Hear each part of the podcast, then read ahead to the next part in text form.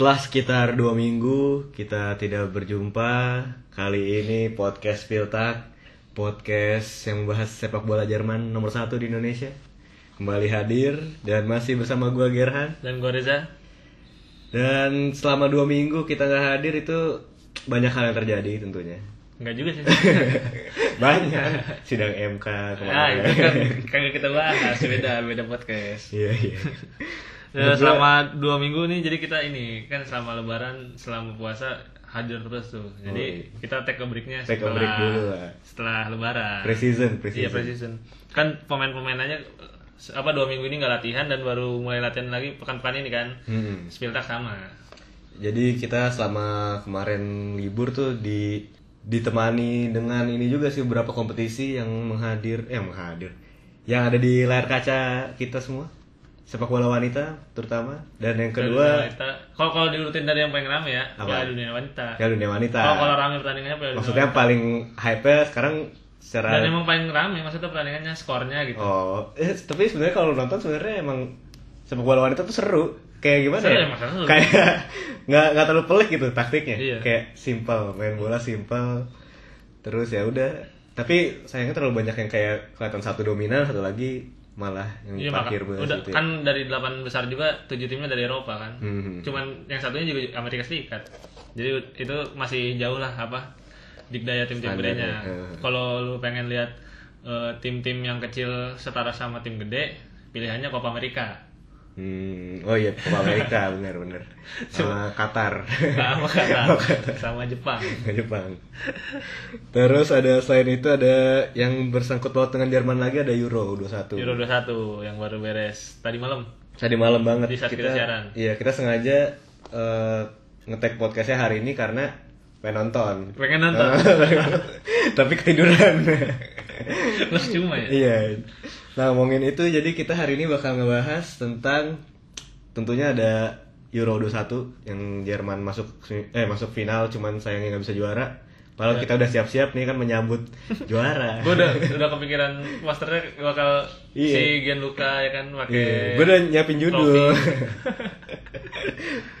terus Terus- terus apa lagi? terus Segmen- di Tapi sebelumnya kita bahas ini dulu. Kemarin kita nanya juga kan soal iya, topik. jadi, jadi segmen satu tanya jawab segmen jawab. dua Jerman 21 Eh, segmen 3 segmen tiga kita bakal bahas transfer transfer. Transfer. Transfer, Jadi- terkini. selama libur ini kan topik sedikit Hmm. jadi jadi tiap Iya, segmen tiganya kita isi sama transfer aja Bener, jadi bener, biar bener. sedikit eh, Daripada update lah Ini kan kalau kita juga suka beberapa orang suka nanyain, suka nyodorin itu dengan inisiatif. Nih, udah udah deal nih gitu. Iya. Kita telat update.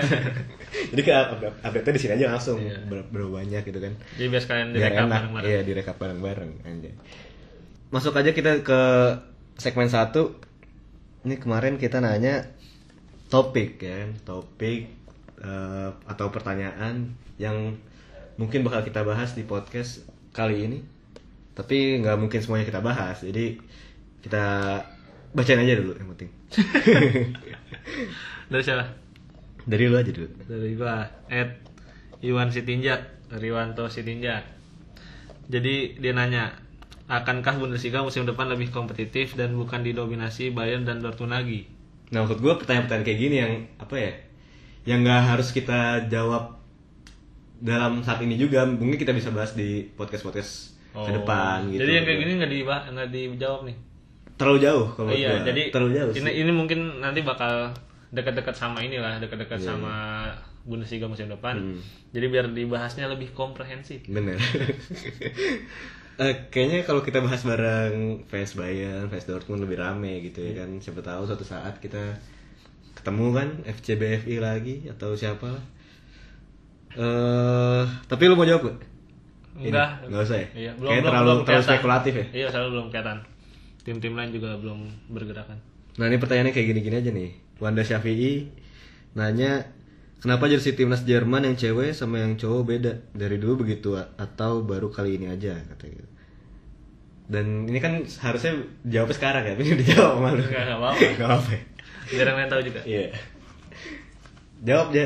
Kan udah jawab. Gue ini. jawabnya bacain komentar yang di ini. Iya. Emang kayak gitu kok. Tim nasional wanita yang prestasinya bagus hampir pasti jersinya didesain khusus. Nah, ini gue juga baru tahu sih sebenarnya. Jadi Emang emang, gitu ya? emang Jerman, Spanyol, Amerika Serikat, eh, Swedia itu dia gini jes- jersey buat turnamen gede emang selalu didesain khusus. Hmm. Makanya kemarin sempat jadi kontroversi juga ketika Norwegia tuh Norwegia jersinya disamain sama jersey yang cowoknya. Oh, nah itu sempat jadi kontroversi kan emang Norwegia Sombong. bukan sombong salah ada salah satu tim gede salah satu tim gede ya. punya ada Heger Heger balon d'Or- wanita pertama tapi kenapa jersinya disamain gitu Hmm. sempat jadi kontroversi Tapi kagak main kan sih ada Hagen? enggak enggak main Kenapa sih dia?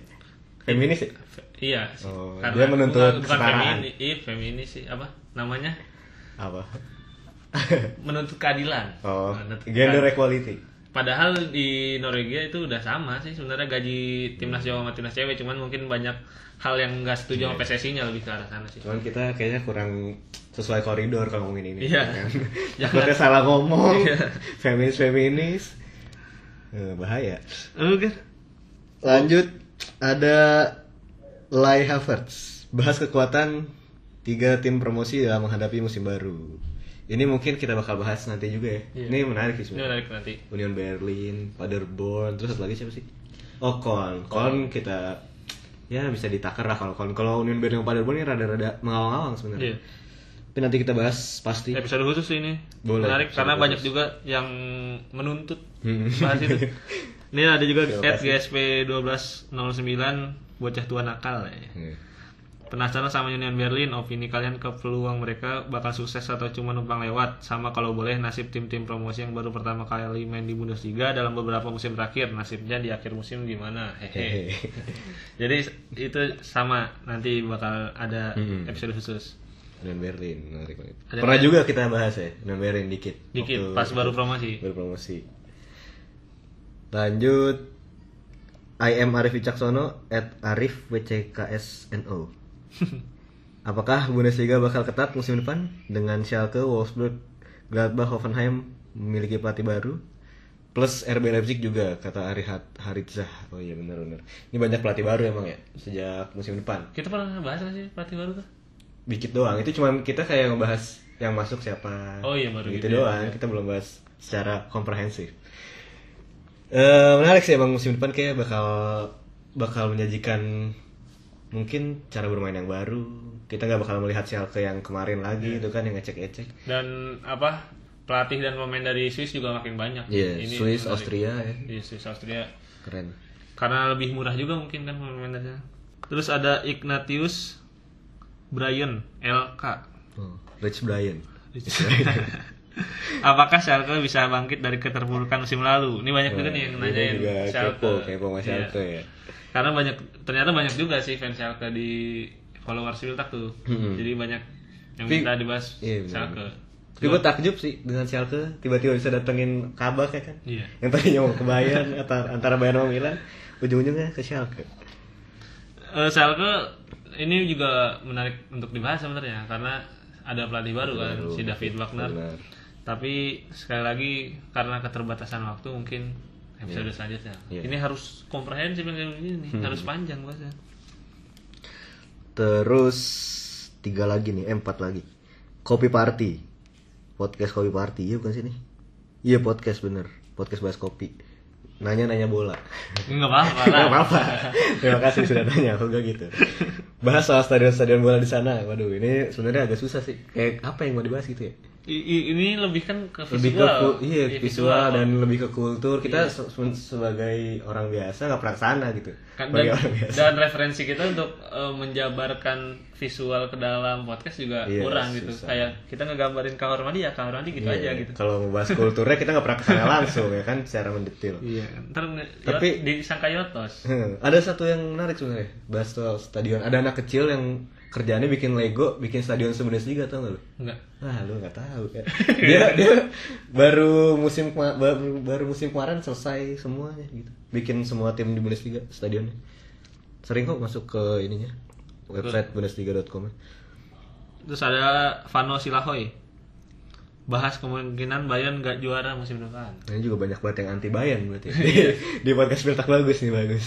kita kita emang nggak suka dengan eh, rezim yang sangat berkuasa Iya. gitu kan yang sangat mendominasi bertahun-tahun. Ya bukan apa-apa cuman karena ya bosen aja gitu kan. Tapi kalau lu kayak gitu mending nonton MLS kan MLS setiap tahun ganti. terus tuh. ya. Atau enggak Liga 1. Liga 1 boleh. Berikat 1 sampai 4 nggak ada yang sama dari tahun ke tahun. Cuman ini pertanyaannya terlalu umum gitu. Apa? Bahas Ba- kemungkinan Bayern nggak juara. Dortmund gitu-gitu ya. Iya. Lebih ha- kalau bisa lebih spesifik. spesifik ya. Lanjut, ini ada Agus Setiawan at Agus Johan. Sama ini. Ini Union Berlin juga, Iya. ya kan? Ntar lah. Dengerin dulu yang kemarin dulu coba. Mungkin siapa tahu membantu sedikit. Terakhir nih ada Ed Erik Fajian. Bahas pemain-pemain timnas U21 Jerman yang berpotensi meledak di Bundesliga musim ini. Oh iya Nah, ini, ini ini menarik pertanyaan. menarik sekali. ini dia pertanyaan yang mengilhami episode kali ini. Iya. Eh. Kok nggak kepikiran tadinya? Iya. Berarti selamat kepada Erik Fajian sebagai gitu sebagai komentar terbaik pada episode kali ini. Iya, jadi eh, siapa aja pemain-pemain timnas U21 yang bakal meledak musim depan mungkin di Bundesliga Hmm. dan bagaimana kiprah timnas Jerman U21 selama Euro U21 kemarin bakal kita bahas lebih lengkap di segmen 2.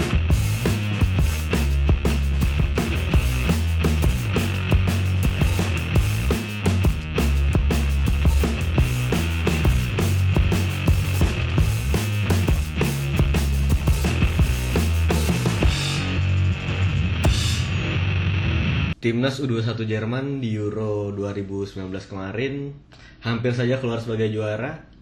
Cuman sayangnya harus dikalahkan oleh Spanyol. Iya. Ini sebagai pertandingan final mengulang di Euro, Euro 21 2017 ya kan. Di mana pada saat itu si Jerman berhasil keluar sebagai juara, Lewat sedang gol tunggal ini Michel Weiser. Michel Weiser, sedangkan kali ini justru kalah ya kan 2-1. Padahal pemain tuh hampir sama ya, banyak yang hampir sama ya. Enggak sih. Enggak ya? Setengah-setengahnya udah Setengahnya hampir sama tapi kan kayak Denis tapi pas kalau yang dulu kalau kalau Spanyol banyak yang intinya masih main. Kalau Jerman pemain intinya udah Iya, pada iya. Jerman banyak yang ini ya, si Gnabry ya kan Iya. dicabut. Ini sebenarnya kalau juara bisa menjadi sebuah apa ya? dahaga. ya? Dahaga, kalau pas dahaga kayak Oki. Menahan pas dahaga lapar. menahan lapar. Iya, ini bisa Iya kan? menahan kehausan akan gelar-gelar di timnas senior sebenarnya. Mm, ya di kan? timnas junior juga nggak bagus-bagus amat ya kan Jerman Iya, sebenarnya. Jer- Jerman kan lagi buruk-buruknya nih timnas seniornya dalam mungkin dalam 12 sampai 16 tahun terakhir ini timnas yang paling terpuruk lah. Kan kalau dulu tuh masuk semifinal, masuk final udah Udah hampir pasti ya, hampir tiap kan? turnamen kan. Tiap turnamen. Kecuali mungkin Euro 2004 lah. Berempat Selama, iya. selama setelah inilah setelah das ribut itu 2006 iya. Setelah Ta- Tapi kan 2005 sebelumnya ya? kan 2002 juga masuk final Piala Iya, Dunia kan. benar-benar. Nggak nggak buruk-buruk amat, cuman eh, sekarang ini lagi parah-parahnya ibaratnya kan. Parah-parahnya. Bahkan degradasi ke League B. League B Nation League. Nations League ya Iya. benar-benar. Harusnya kalau misalnya ini kemarin menang bisa jadi sedikit harapan lah. Hmm. Tapi emang menurut gue agak sulit sih melihat pemainnya untuk menjadi core di timnas senior saat ini. Nah ini kita bakal bahas sih. Takutnya gue ngomong kejauhan, Iya. ntar alurnya ke sini, ke sini lagi, balik lagi. Mungkin ini dulu apa? Di recap Bahas- dulu aja. dulu mungkin. Recap dulu, recap, Recap dulu. dulu, Dari recap dulu. dari awal masuk ke grup B. Iya, Ini sebenarnya untung banget sih grup masuk di grup itu. Tapi- grup B itu isinya Serbia, Denmark sama Kroasia. Austria. Eh sama Austria. Austria. Iya ini ini Kenapa untung? tim yang paling apa? Grup yang paling Muda. Enggak, grup Enggak, grup yang paling susah kalau lemah. bilang. Kok yang mudah sama lemah bedanya apa anjir?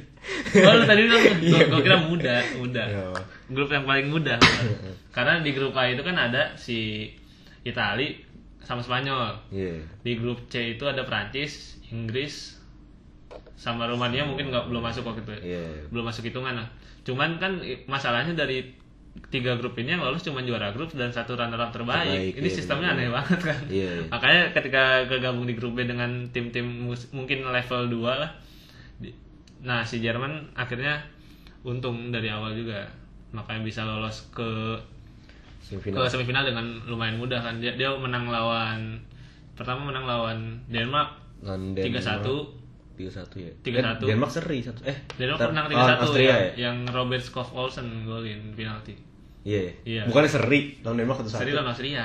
Austria Austria ya, ya. Yang kedua itu menang Serbia 6-1 itu yang Serbia. mengejutkan sih menurut gua Eh, Luka Jovic. udah ada pemain Luka Jovic itu kan pemain termahal Luka Jovic, Andrea Ziv- Zivkovic, Eh, si Zivkovic, pokoknya depannya Joveljic. Joveljic juga Iya, ada kan. main kan.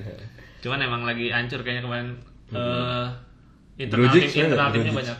Grujic enggak. Enggak ya? Grujic padahal masih keumuran ya. Kayak kan dia agak agak ada ini ya, ada ribut-ribut ya. Iya masih salah. masih ribut. Si sama itu Mladen Krstajic yang Hmm. pelatih sebelumnya. Nah, pertandingan ketiga baru tuh seri lawan Austria. Tapi udah pasti lolos Iya ya kan. sama-sama. Yang gol Paul Smith dari tengah. Iya iya iya. Terus lolos ke semifinal ketemu Rumania. Rumania ini yang Yang agak- sempat- yang jadi ini ya kuda hitam Kuda ya hitam, iya. sebenarnya. Ngalahin Inggris 4-2. Inggris tapi emang caur banget ya. Hmm, Yanis Hagi. Yanis Hagi. Sama George Puskas. Banyak yang dirumorin ke Bundesliga juga ya kan? Iya si Si Yanis Yanis Hagi Hagi. terutama. Katanya Ke- Gladbach ya Gladbach. antara Dortmund, Dortmund pengen juga. Ya. Bayern juga kemarin datang katanya. Oh iya bener. Tapi ha- udah kalah 2-1 bisa membalikan 4-2. Hmm. Nah, emang ini final ideal kembali terus aja sih kalau menurut gua dari bagannya dan dari dari Secara squadnya kualitas gitu. Iya, gitu ya. secara kualitas. Secara Tapi- kualitas kalau menurut menurut gua sih si Jerman nih cuma kalah sama Spanyol sama Italia sih. Iya, yang mengejutkan justru Italia. ya. Nggak Italia. nggak lolos Di grup. kandang. Iya, kandangnya sendiri ya kan. Pemainnya tuh udah ngeri banget kan itu. Moiskin. Sandro Tonali, Chiesa masih main. Kipernya Meret. Meret. Cadangannya juga si Audero kan. Tengahnya siapa? Romagnoli kan ya? Enggak, Tengah. Romagnoli itu ya. Siapa sih? Lalu makan gelandang. Eh, back tengah kan. Oh, teng back tengahnya siapa back tengahnya? Rugani masih kan kalau nggak salah. Rugani. Eh, Rugani. Enggak, Serius? Enggak lihat enggak lupa. Lupa ya, tapi Pellegrini, Pellegrini, oh, Pellegrini. tengahnya. Sama Pellegrini yang yang bek kan bek kiri juga ada. ya bener-bener. Cuman yang paling menyorot perhatian kan si Chiesa, Zaniolo sama si Kane. Oh iya bener. Nah, masalahnya kemarin itu si sedikit lain bahas. Iya apa-apa. Si Kane sama ini, si Kane sama si Zaniolo Ribut. si Ken upload tiga story kalau anda pengen jadi pemenang atau apa gitu anda tidak boleh terlambat Ya. habis itu pertemuan tim ngebahas taktik telat si Daniel sama si Ken langsung dihapus tiga story Oh yang tidur bareng itu ya? Iya bukan sih yang sekamar? pokoknya iya Itu- pokoknya iya, dia- tuh yang joget joget ngetren, iya, iya, lagi itu. nyanyi nyanyi. Dia nyanyi Ini siapa? Ditanyain kan dikira cewek.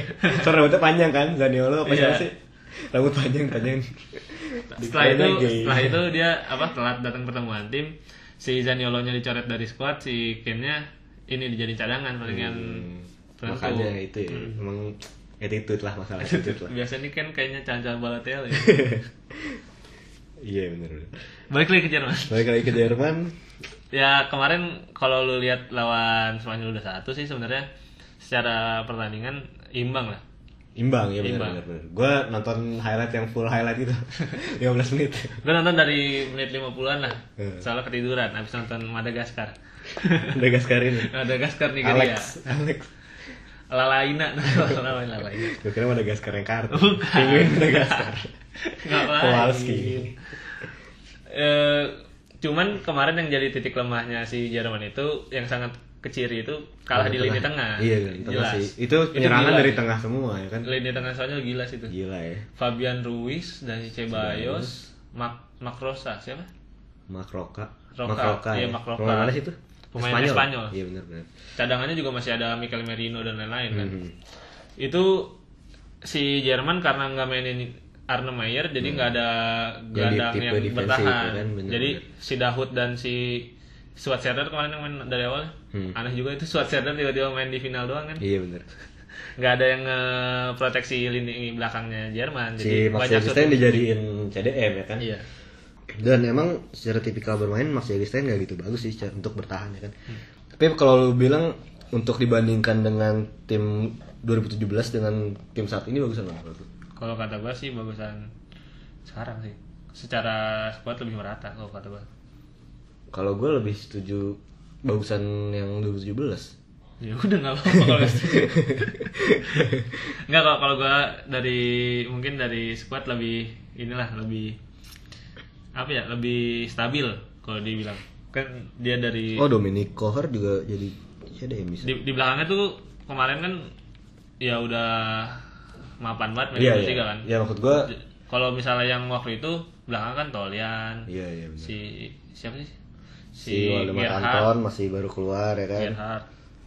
terus Niklas Stark juga baru belum keluar belum terbukti lah kalau waktu itu kan kalau sekarang Kalau hampir, sekarang- hampir semua pemain ini terbukti Iya sih bener sih. Cuman secara apa ya? Secara komposisi gue lebih suka yang 2017 sih. Secara kompos komposisi maksudnya pemain kayak kekosongan di CDM itu kan di timnas yang sekarang kosong kan nggak ada kan. iya Kalau yang sekarang yang dulu tuh ada si banyak yang tipe bertahan gitu. Kohler ya Hmm. Kalau sekarang yang bertahan siapa sih paling Robin Coach, Arna Maya. Iya, Robin Koch Robin sebenarnya Coach kagak nggak pernah main. Main sekali Robin doang. Koch main sekali si Arne Meyer tuh sebenarnya yang diproyeksiin Arne Meyer Mm-mm. karena di pertandingan pertama kan Arne Meyer inti cuman mainnya jelek kalau menurut tuh dari pemain-pemain ini nih Gary Hmm. siapa yang bisa bersinar di Bundesliga musim depan kan pertanyaannya pertanyaannya gitu Oh iya benar. Harus mengacu pada pertanyaannya. Ini belum menjawab nih. Ini belum menjawab nih Enggak sebenarnya kita sebelum bahas itu mungkin kita bakal ngomongin siapa yang paling paling apa ya bombastis. Stand out. paling stand out di eh, kompetisi kali ini. Kalau menurut jelas. kalau menurut gua sih dari yang pertama tentu Gianluca Waldschmidt ya Iya, kan? si Val Smith nih 7 gol. 7 gol. Terus kedua Nadiem Amiri sih sisanya ya udah biasa Nubel aja. Nubel juga bagus Nubel. Ya Nubel kan emang musim ini udah bagus. Iya. oh maksudnya yang belum kedengeran namanya ada Iya, yang yang kalau si Amiri kan sempat hilang musim ini gara-gara dia cedera kan. Baru Iya. main akhir-akhir. Tapi emang bagus sih akhir-akhir main juga. si Gianluca Val Smith nih jadi ini sih apa kaget sih Kaget, gue juga iya, kaget bener, bener. bahkan di pertandingan pertama gue kira yang bakal lebih meledak tuh si Marco Richter Ya, atau enggak si Tiba-tiba. namanya kan emang dari awal nggak inti kan Iya. kalau pertandingan pertama kan si Richter 2 gol si Val Smith 1 gol kan padahal dan duetnya tuh sebenarnya bagus lah ini si Val Smith sama Richter, Richter. dua-duanya tipikalnya sebenarnya hampir sama tipikal Yang striker bisa- yang lebar iya, bisa yang turun ke bawah. Kalau lu lihat Bundesliga musim lalu juga gol-golnya dua pemain ini hampir semuanya kalau nggak dribble dari luar shooting dari Iya, luar. tipe-tipenya golnya kayak gitu.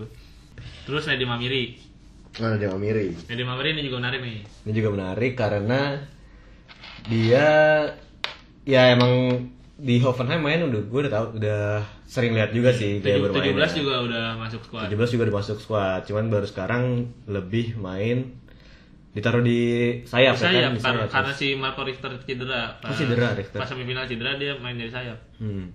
Terus permainannya juga eksplosif ya. Sering gol dari jarak jarak jauh, eh itu, shoot dari jarak gol, jauh ya. gol yang melawan Rumania tuh yang dia dribble dari setengah lapangan Oh. terus langsung syuting dari luar kotak penalti Waktu pas di musim ini Hoffenheim juga dua gol dari jarak jauh kan pernah. Iya, cuma- yang golnya keren langsung cuman selebrasi. emang setengah musim awal dia cedera kan Iya. Asia Amerika. Makanya jadi sempat meredup, tapi ternyata masih bagus walaupun setengah musim cedera. Dan kayaknya untuk di musim depan bisa jadi motor serangan Hoffenheim Iya, sih. karena si Karim Demirbay. Demirbay pindah Iya pindah. Terus paling sisanya ya nggak terlalu stand out sih. Yang gue bingung sebenarnya Levin Ostunali nih. Levin Ini Ostunali pemain iya. udah kayak udah dari lama banget gitu. Dulu digadang-gadang gadang-gadang sekarang masih du- du- 23 tahun. iya masih main di Euro 21 Iya. Dan inti terus lagi, ya kan? Sebagai Iya, karena, sayap kanan. karena sedikit juga sih apa stok Iya. pemain di posisi Main di dia. posisi sayap kanan ya. Iya. Waktu pas 2017 sebenarnya juga udah dipanggil, cuman yang main Michael Pfizer saat itu. Iya, sama Pfizer masih jadi, iya. Pfizer masih jadi sayap ya, depan dulu. Sayap depan. Sayap depan. Sekarang jadi sayap belakang. jadi wingback. ya sisanya sih menurut gua menampilkan sesuatu yang sebenarnya emang diharapkan nggak nggak ngelebihin dari yang diekspektasikan gitu Hmm. kan kayak si Jonathan emang Emang kaliber dia udah, udah kayak gitu kalau Sterman juga biasa aja nggak nggak terlalu bagus Ya, si mungkin Benjamin Hendricks sih lumayan Benjamin Hendricks mainnya kan di back kiri terus nih Hmm. dia nunjukin secara defense lebih stabil dibanding ketika diganti nama Mittelstadt di semifinal. Kemarin juga pas final mainnya juga bagus sih si Hendricks. Hmm, dia dia gantiannya sama Middlesat terus ya. Iya. Yang gue bingung cuma Baumgartel inti. Hmm, padahal di musim ini tuh dia kayak ganti-gantian sama Batstuber ya kan. Iya, sama- Apalagi sejak Kabak masuk tuh udah makin dikit Iya. peluang bermainnya kan. sama Oliver Sama Kahn. Oliver Kempf juga. Padahal di cadangan tuh ada si Valdemar Anton. Kalau Balon tapi emang lagi jelek. Tapi kan dia inti, kapten kan di Hmm. Hanovernya maksudnya lebih stabil lah. Kemarin tuh pas lawan Rumania hampir aja si Baumgartel jadi kunci kekalahannya Jerman kalau kalah. Karena karena Blunder. dia yang bikin penalti terus gol keduanya yang sundulan si George Puskas juga dia out of position Nah ini yang tadi sempat gue tanyain mungkin dengan squad kayak gini kan kemarin pas final juga si Joachim Low nonton ya kan. Iya.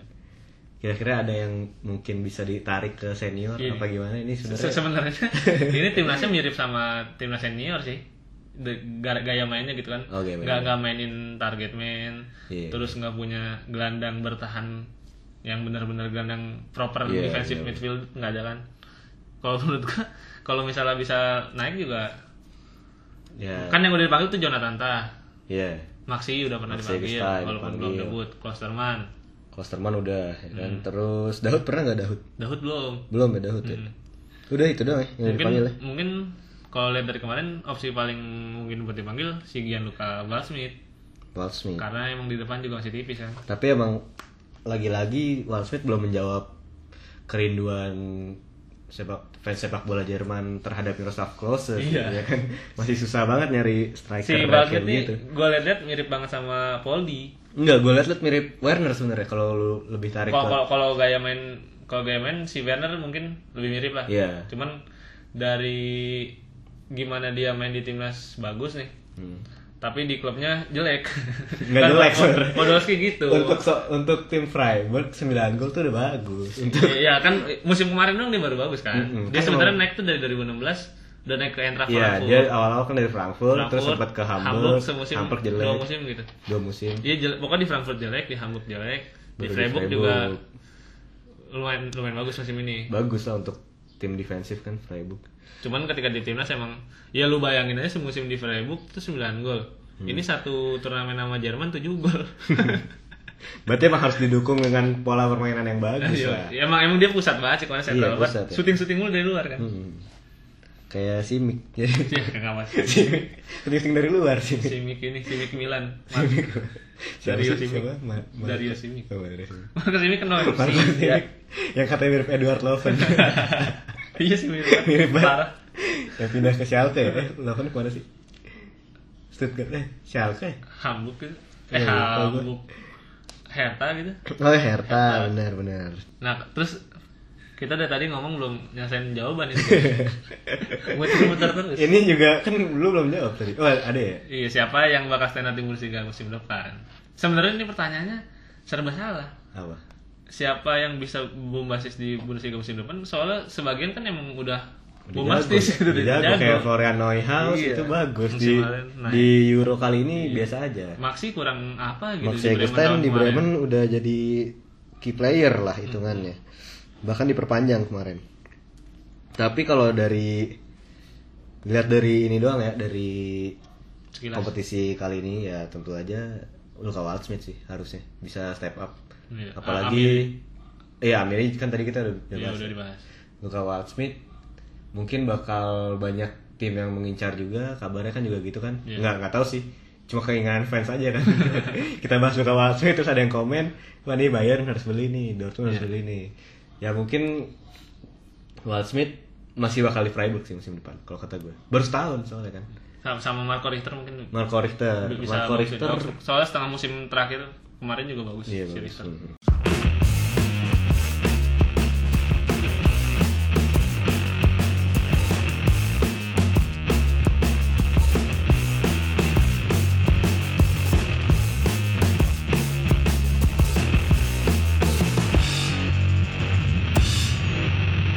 Di segmen ketiga kali ini kita akan membahas mengenai transfer-transfer fenomenal selama sebenarnya nggak ada yang fenomenal. Kalau di Bundesliga mah nggak ada yang kayak Wan Bisaka tiba-tiba Iya, 50 juta gitu kan nggak ada.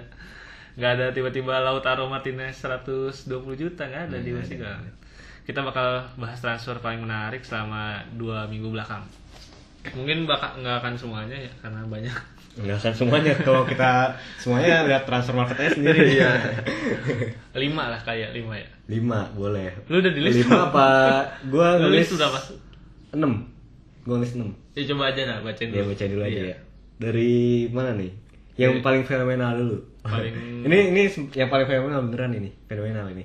Yang mau gue bahas. Tahu gue siapa? siapa? Matunggal sih. Oh iya benar Mats Hummels. Padahal tadi Tadi mau kabak. Enggak lah, fenomena Hummels Iya, yang paling mengagetkan. Paling mengagetkan. Ini salah satu transfer yang terjadi dengan begitu cepat. Iya. Iya kan? Tidak ada permisi tanpa sengaja, tanpa sengaja sengaja sih. Bayern yang tadinya katanya pengen ngelepas Jerome Boateng lebih dulu kan, tiba-tiba malah Hmm, Tiba-tiba, Mats Hummels Iya. dengan harga transfer yang lumayan gede lah. Iya. Kayaknya dia tergoda juga. 30 kan? ya? 38 juta. sih. 38 juta. Untuk back yang musim depan 31 tahun. November gitu Dan tahunnya. dan pindahnya ke rival Utama. terbesar ya, rival utama yang yang sebenarnya udah nggak nggak pengen ngerekrut dia lagi sebenarnya fans fansnya. Iya. Kayak ya udahlah, bodo Iya. amat gitu ya. Tapi ternyata tanpa diduga-duga Hummels Itu cuma sekitar dua hari lah rumor-rumor Hummels ke Dortmund Iya. kemarin. mengambil sebuah keputusan yang sangat mengagetkan, sebuah U-turn. Karena emang muter-muter doang itu. Iya. U-turn. U-turn, U-turn lagi. Lonjong ya. Iya. Jadi Kayak kayak beneran. di beneran. U-turn lagi setelah pada tahun berapa sih dia pertama kali datang ke Dortmund 2007 ya? 2007 2008 itu gue lupa. Iya. Pindah ke Dortmund berapa musim? Set balik lagi ke Bayern terus sekarang balik lagi ke Dia pindah ke Bayern tuh Dortmund. 15. 2015 baru 15 baru baru. Balik lagi ke Bayern tentunya ini membuat bingung fans Dortmund sih. Kok bingung? Antara dia mau senang atau mau benci ya kan. Kemarin sempat ada perdebatan juga di kita di Twitter kita juga sama di Iya. WhatsApp Itu juga. ada yang ada yang ramai yang ada rame sampai sampai ini sakit hati banget kayaknya. sampai kita nggak peduli dia gimana Iya. silahkan menghangatkan bangku cadangan ya. Tapi kan secara taktik emang ini sebenarnya transfer yang sudah ditunggu-tunggu sama Dortmund. Iya. Karena seperti yang udah sering kita bahas, Dortmund ini lini belakangnya potensial banget. Apa back tengahnya tuh potensinya gede banget. Akanji, si Zagadou, Hmm. Abdou Diallo, Balerdi. Hmm. Nah, cuman butuh sosok leader. iya benar benar Dan dan itu benar-benar ada di sosoknya Mas Hummels sih. Hmm. Karena dia ya udah paham lah isi klubnya Dortmund dan di lapangan dia pemenang Piala Dunia Iya.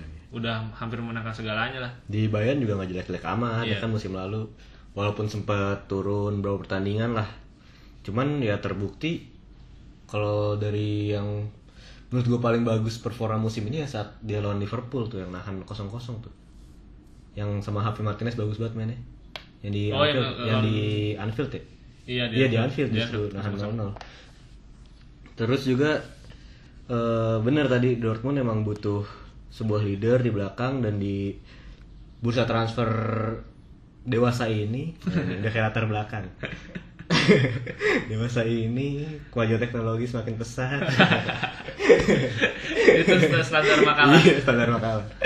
Dewasa ini eh center back dengan kaliber seperti Matt Hummels juara segalanya harga 38 juta tuh udah nggak ada sih harga 38 juta kan mahal tapi emang. Iya tapi nggak ada pasti di atas 50 juta ada sih. ada di atas 40 juta ada kemarin baru siapa pindah satu pinter siapa Godin Godin. Godin udah tua banget kan 34 cuy iya sih 34 tuh udah tinggal menghitung hari menghitung kaki di tackle kayak tahu Miranda? Iya. balik lagi terus siapa lagi kayak bahkan ya kayak mungkin Thiago Silva juga harganya bisa Silva kalau Iya. dilepas juga paling 45 lah minimal ya. Enggak. apalagi ke mana habis dinyanyiin Iya, pas di Boston Guru. Terus siapa lagi ya? Bahkan pemain yang belum terbukti sama sekali kayak Matthijs de Ligt. iya Harganya berapa? 70. 70 70 juta ya kan ini Romagnoli itu berapa tuh kan walaupun emang kalau kita ngomongin de Ligt sama Hummels emang de Ligt bisa untuk uh, jangka panjang sih. Cuman Hummels ya untuk apa gitu? Eh, si Dortmund udah punya waktu jangka panjangnya itu udah lumayan banyak menurut Iya. gua. Persediaan buat jangka panjangnya udah banyak kan di Balerdi, di Zagadou. sambil bareng-bareng Iya, jadi membina anak-anak sambil kan. bareng-bareng bener banget. Kayak inilah siapa ya? kayak Maninger di Liverpool Ngaduh. Ini kita lama-lama ketahuan nih podcast Liverpool. kayak kayak Rob Green Rob Green Robert Green bersama ini Chelsea Kepa. iya ya. bina Kepa Bangor kan Oh ini. Bangor eh, Messi bersama Neymar, Ronaldinho bersama Messi. Ronaldinho bersama Messi paling, Iya. Cuman cocok. ternyata kemarin baru keluar ya pernyataan. Siapa yang ngomong ya? Jadi sengaja Ronaldinho sama Deco di luar, dijual tuh gara-gara dua-duanya mabok-mabokan biar gak berpengaruh buruk pada Messi. gitu ada kan kemarin yang bilang kayak gitu lupa. Wah, lu gak denger ya. Cuman yang pasti ini ini satu yang pasti sih. Kan sebelum Hummels datang yang digosipin ke Dortmund itu sebenarnya Boateng. Serius. Serius ada ada rumornya 25 juta gitu. Hmm. Ya daripada Boateng Hummels saya sekalian gitu. Iya. Daripada nanggung-nanggung kan. Iya, benar-benar. Berikutnya Berikutnya tadi yang menurut gue fenomenal juga adalah Ozan Kabak. Ozan Kabak. Masih seputar defense, defensif lagi nih pemain defensif. Kenapa fenomenal? Fenomenal karena ya ini ceritanya berlarut-larut tapi ujungnya plot twist. nggak ada happy ending, nggak ada sad ending, open open ending. Open ending. Iya. Jadi semuanya bisa menebak arahnya bakal Iya, ke mana nih. Iya benar-benar. Kan Kabak ujungnya ke Schalke. Nah ini Mungkin lu cerita ntar dulu gimana apa? apa? Kabak nih sebelum ke Schalke gimana? Kabak jadi awalnya kan ini dari awal banget malah nih gue ceritain nih. Masih kecil. Dari kecil. Lahir di mana? Jadi dia kan Galatasaray cuma setengah musim. Habis itu ke Stuttgart berapa sih? Berapa juta ya? 10 juta apa? 11. 11 juta. Itu sempat ada rumor Bayern punya klausul ya kan? Ada rumornya Bayern punya klausul. Andil Brian di dalam sana. Mm-mm, tapi ternyata setelah kemarin ini terbukti nggak bener ya kan? Kalau emang ada klausul ya harusnya pindah ke Bayern dong ya kan? Iya. dan pas di bursa transfer ini si Stuttgart degra- degradasi Kabak- pelepasannya aktif. Iya, pelepasannya aktif di 15 juta doang. 19 tahun. Potensialnya ini setara Virgil van Dijk nih. Ozan Kabak. Enggak lah lu itu kan belum tahu. Iya kan potensial. Bisa aja nggak nyampe gitu. Tapi kalau emang lu nonton si Ozan Kabak ini kan salah satu faktor utama yang bikin Stuttgart nyaris lolos degradasi musim Iya. ini.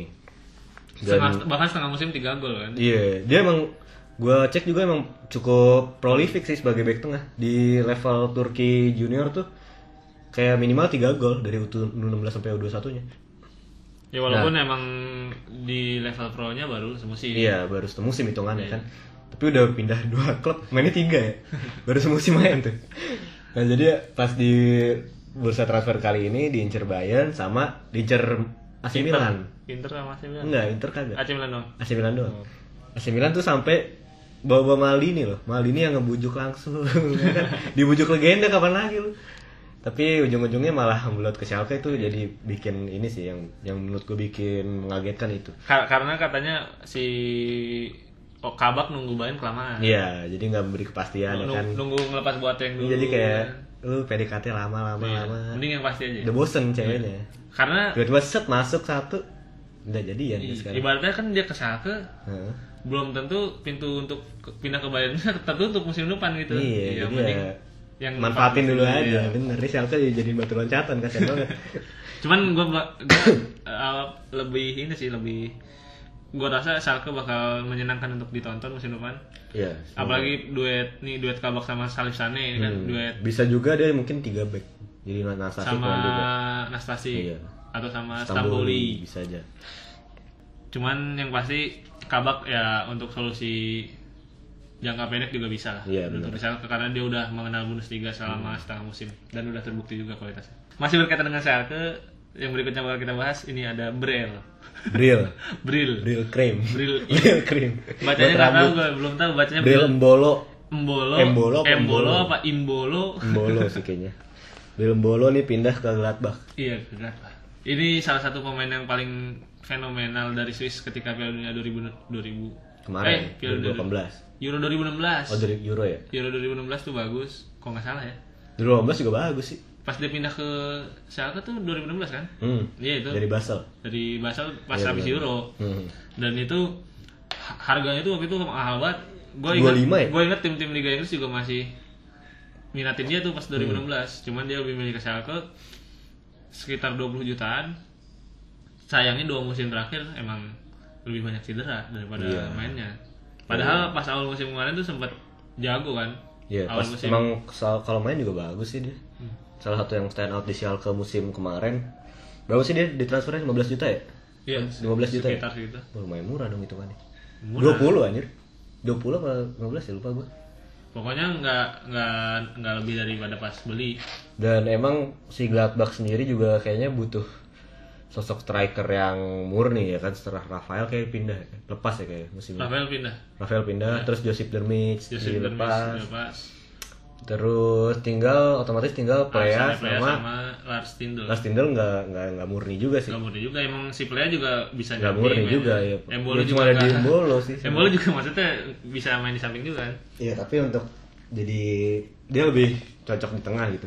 Dan kalau dilihat Marco Rose kan pelatih pelatih Gladbach musim depan nih. Hmm. Si Marco Rose juga emang bukan tipikal yang membutuhkan striker dengan tipe seperti Intermix. Hmm. Dia lebih banyak main dengan striker-striker yang bisa Lari bisa jemput bola. bisa jemput bola, bisa mematahkan garis pertahanan tinggi lawan. Apalagi kan kalau di Jerman mainnya garis pertahanan tinggi semua. Hmm. Kecuali Freiburg Terus, sama Augsburg. sama Union Berlin nggak tahu nih. Lanjut ini juga akhirnya yang terpecahkan adalah kasus transfer Kruse setelah di ini juga sempat, sempat ramai nih. Sempat Inter. Liverpool Inter Iya, Tottenham. Tottenham AS Roma. Ujung-ujungnya ujungnya ke Fenerbahce ini kuburan striker tua. Kan Hugo Rodallega di sana. Indonesia di sana. di sana. Trabzonspor Oh di Liga Turkinya. Liga Turki. Terus ada siapa lagi? Ryan Ryan Babel, balik lagi. Jermaine Lens ya kan ya striker striker yang Si udah siapa? out of date lah Cheng Tosun. Cheng Tosun masih di Eh Cheng Tosun siapa yang yang satunya? Yang striker Turki ada. siapa ya ini Burak Yilmaz Ilmu. Burak Yilmaz ke Cina Udah baru pindah. Cina udah lama anjir Udah balik, udah balik lagi. Oh, balik lagi. Balik lagi ke Iya. transfer nggak salah. ya cuman ini ya menurut gua ya emang kayaknya nggak ada tim yang mau ngangkut Kruse juga sih Dengan umur 31 dengan kontrak tahun kontrak yang tinggi kan. Iya dia pengennya tiga tahun kan untuk main di tim gede kejelekan kejelekan untuk nggak jelek sebenarnya sih bahasa juga ya. Cuman yang disayangkan kan ini. Cuma ini kalau untuk nyari striker yang jangka waktu pendek bagus. Cuma kan sayangnya tim-tim gede kan nggak mau yang gitu doang kebanyakan. Cuman disayanginnya dia nggak main di Eropa doang musim depan. Fenerbahce nggak main. Fenerbahce kan musim kemarin gagal total, hampir. Mending di Werder Bremen. Fenerbahce tuh awal musim gagal total dia masuk Iya. zona degradasi dan kemarin. oh iya. Pelatihnya si Koku, Koku tuh pindah ke sana. Oh ya musim. Philip Koku. Iya. Padahal di PSV juara PSV kan. juara. Gokil. Terus udah harusnya gitu aja lah ya. Eh selanjutnya siapa nih, Jak? Ini. Nggak, sebenarnya kalau transfer gedenya udah nggak ada lagi. Nggak ada lagi sih. Iya. Cuma Cuma paling tinggal transfer minor lah transfer minor. Dan yang ramenya tuh pindah dari Swiss ke ke Bundesliga. Bundesliga. Ini Iya. lagi banyak. Beberapa pemain Jibril Sow Jibril Sow dari, dari Young Boys ke Young Boys ke Frankfurt. Frankfurt. Ini tipikal gelandang yang sangat Frankfurt. Iya. Ini sebenarnya gaya mainnya tuh kalau lihat mirip sama si Denis Zakaria. Iya. Tipe-tipenya yang gerasak gerusuk. Kan lini, lini tengahnya gitu semua Frankfurt. Iya, ini kan juga sebenarnya dari Gladbach kan si Sow ini. Iya, dan Dulunya Gladbach pindah ke Young Boys dua musim tiga musim balik lagi akhirnya ke dan, Jerman dan sepertinya ini jadi kenapa si Frankfurt akhirnya ngelepas Grujic kan. Maksudnya nggak nggak Oh, nggak nerusin iya, iya, nggak nerusin buat ngedatengin Grujic. Karena akhirnya dia udah dapet si Jibril Sow. Hmm. Makanya Grujic akhirnya katanya Berlin udah, udah balik lagi ke. Berlin. padahal Bremen juga ngincar Iya, males kayaknya. padahal bedanya apa Berlin sama cuman ya ini sih lebih percaya ke Berlin kayaknya ya Iya. Padahal kan pelatihnya ganti juga ya. anti covid sih tapi sama-sama Serbia sih Iya. Terus yang dari Swiss juga ada si Xavier Slager dia dari Swiss emang dari enggak dari RBS oh maksudnya dari, dari Liga Swiss. kan dia Austria Salzburg Astagfirullahaladzim. Enggak maksud. Dia tapi Austria juga lagi yo timnya eh, Iya. negaranya nggak ada emang dari sudah itu doang selalu doang maksud gua ini gua tuker-tuker loh Swiss sama Austria. Iya emang emang mirip sih. Kan dulu Euro bareng tuh. Austria Swiss. Iya. Eh Poland ya, salah gue. Ini dari Austria, dari pokoknya banyak dari negara Hmm. Iya tetangga. pokoknya Swiss sama Austria kan. Dan Austria lagi banyak belakangan banget yang lagi ke supply. Hmm. ke Bundesliga banyak. Xavier Slager ke Wolfsburg. Wolfsburg, seorang bek kanan. Dilatih sama si Glasner, Hmm. Oliver Glasner. Glasner. Terus ada juga yang dari RBS tuh Stefan Leiner, Liner ke mana? bek kanan, pindah ke Gladbach. Oh. Karena kan Tony Janske masa mau main terus ya kan? Si ini bukannya bek kanannya siapa sih sekarang? Janske, Enggak, Johnson, Fabian Johnson. Fabian Johnson kan bukan bek kanan murni. Siapa ya bek kanan? Perasaan bukan dia deh. Terus Ini ada Jordan Bayer tapi kan Oh iya benar benar. Udah sih. Eh satu lagi nih. Dua nih dua lagi. Ada Joseph Dermits yang akhirnya pindah ke Norwich. Norwich. Terus dan bakal ini berarti bertemu dengan siapa pelatihnya? Farke. Farke, yoi. Ap- Apakah ini menjadi satu-satunya pembelian dari Bundesliga musim ini? Nampaknya Apa- tidak. Tampaknya enggak ya? Iya, kayaknya kayak bakal banyak Seru sih seru. yang bakal ke Norwich. Terus satu lagi nih, legend, legenda Bundesliga, Anthony Uja. Iya. Udah dari Köln, Mainz, Werder Bremen, kemarin mana sih? dia? Mainz lagi ya kan? Iya. Akhirnya Sempat ke Cina kan ya? sempat ke Cina Iya. semusim. Akhirnya dia pindah ke Union Berlin musim Iya. depan. Pembelian yang sangat Sangat cerdas. sangat enggak tahu cerdas apa enggak yang yang pasti pembelian tipikal tim-tim promosi lah. Maksud gua udah tepat gitu pembelian dia Iya. kayak dia tim baru butuh eh, Proving goal scorer kan. Iya, proving goal scorer yang udah bertahun-tahun main di Bundesliga dan nggak jelek-jelek amat Iya. Uja sebenarnya kan. Udah sih paling itu aja kalau bahas transfer. Ya emang udah itu aja sih. Iya, ini agak banyak karena kan dua minggu kita ngerekapnya. Iya. Kalau misalnya minggu depan mungkin lebih sedikit. kan. Hmm, hmm. Di episode ini mungkin segitu aja. Terima Terima, kasih. yang udah mendengarkan dan gue juga pengen terima kasih tadi harusnya nih di opening nih gue ngomongin nih Banyak yang terlewat. banyak yang terlewat karena ngeblank udah lama gak Udah lama rekaman. nggak siaran. iya siaran siaran, ke ya siaran. bener sih kan kita siarkan juga Iya, ini. disiarkan. siar siar ya Menciarkan Bundesliga di Indonesia. jadi kemarin tuh episode yang special club itu Iya. booming banget Banyak. kita sempat seminggu di posisi 6 tuh walaupun tetap nggak iya sports and recreation walaupun tetap kagak bisa menyentuh Box to box. box to box box out eh box out apa sih yang kemarin? empat tarik biasa di lima tuh Iya, empat tarik, box to box. overtime biasanya tuh yang suka turun ke lima tapi emang yang overtime juga walaupun bukan box to box masanya banyak juga ya kayaknya. Apalagi basket lagi rame ya kan Karena kemarin emang lagi ini makanya box to box out tuh nyampe kedua juga kan kemarin. Mhm. jadi di yang episode kemarin tuh episode paling banyak didengar kedua di Setelah- sejarah Civilta setelah- setelah, yang pertama. Yang pertama. kan di mana mana podcast tuh yang pertama banyak didengar yang pertama. Pertama, ya. nggak tahu sih kalau podcast gede kayak Retropus itu kan nggak kita mah nggak nggak relate lah. Nggak pernah. Kita kalau ngundang Coach Jasin juga mungkin Coach Jasin yang Coach episode Jasin, itu iya, yang bakal gede. Jadi terima kasih yang sudah mendengarkan. Iya, semoga ini kita menyambut sambil menyambut Bundesliga musim depan, Hmm. mungkin bakal ada sesuatu yang baru Hmm, di mungkin kalau mau Sambil sambil main inilah kita sambil main fantasi Bundesliga oh kalau iya bisa benar rame benar. kan. rame ntar kita bikin liga kali Bikin liga. terus juga kalau mau nyumbang nyumbang pertanyaan dan topik bisa ya Iya. langsung Mau aja di, grup apa di di, grup atau di Twitter. Twitter. Paling segitu aja. Gua Gerhan cabut. Gua Reza cabut. Sampai jumpa di episode 39 berarti. Iya. Yoi.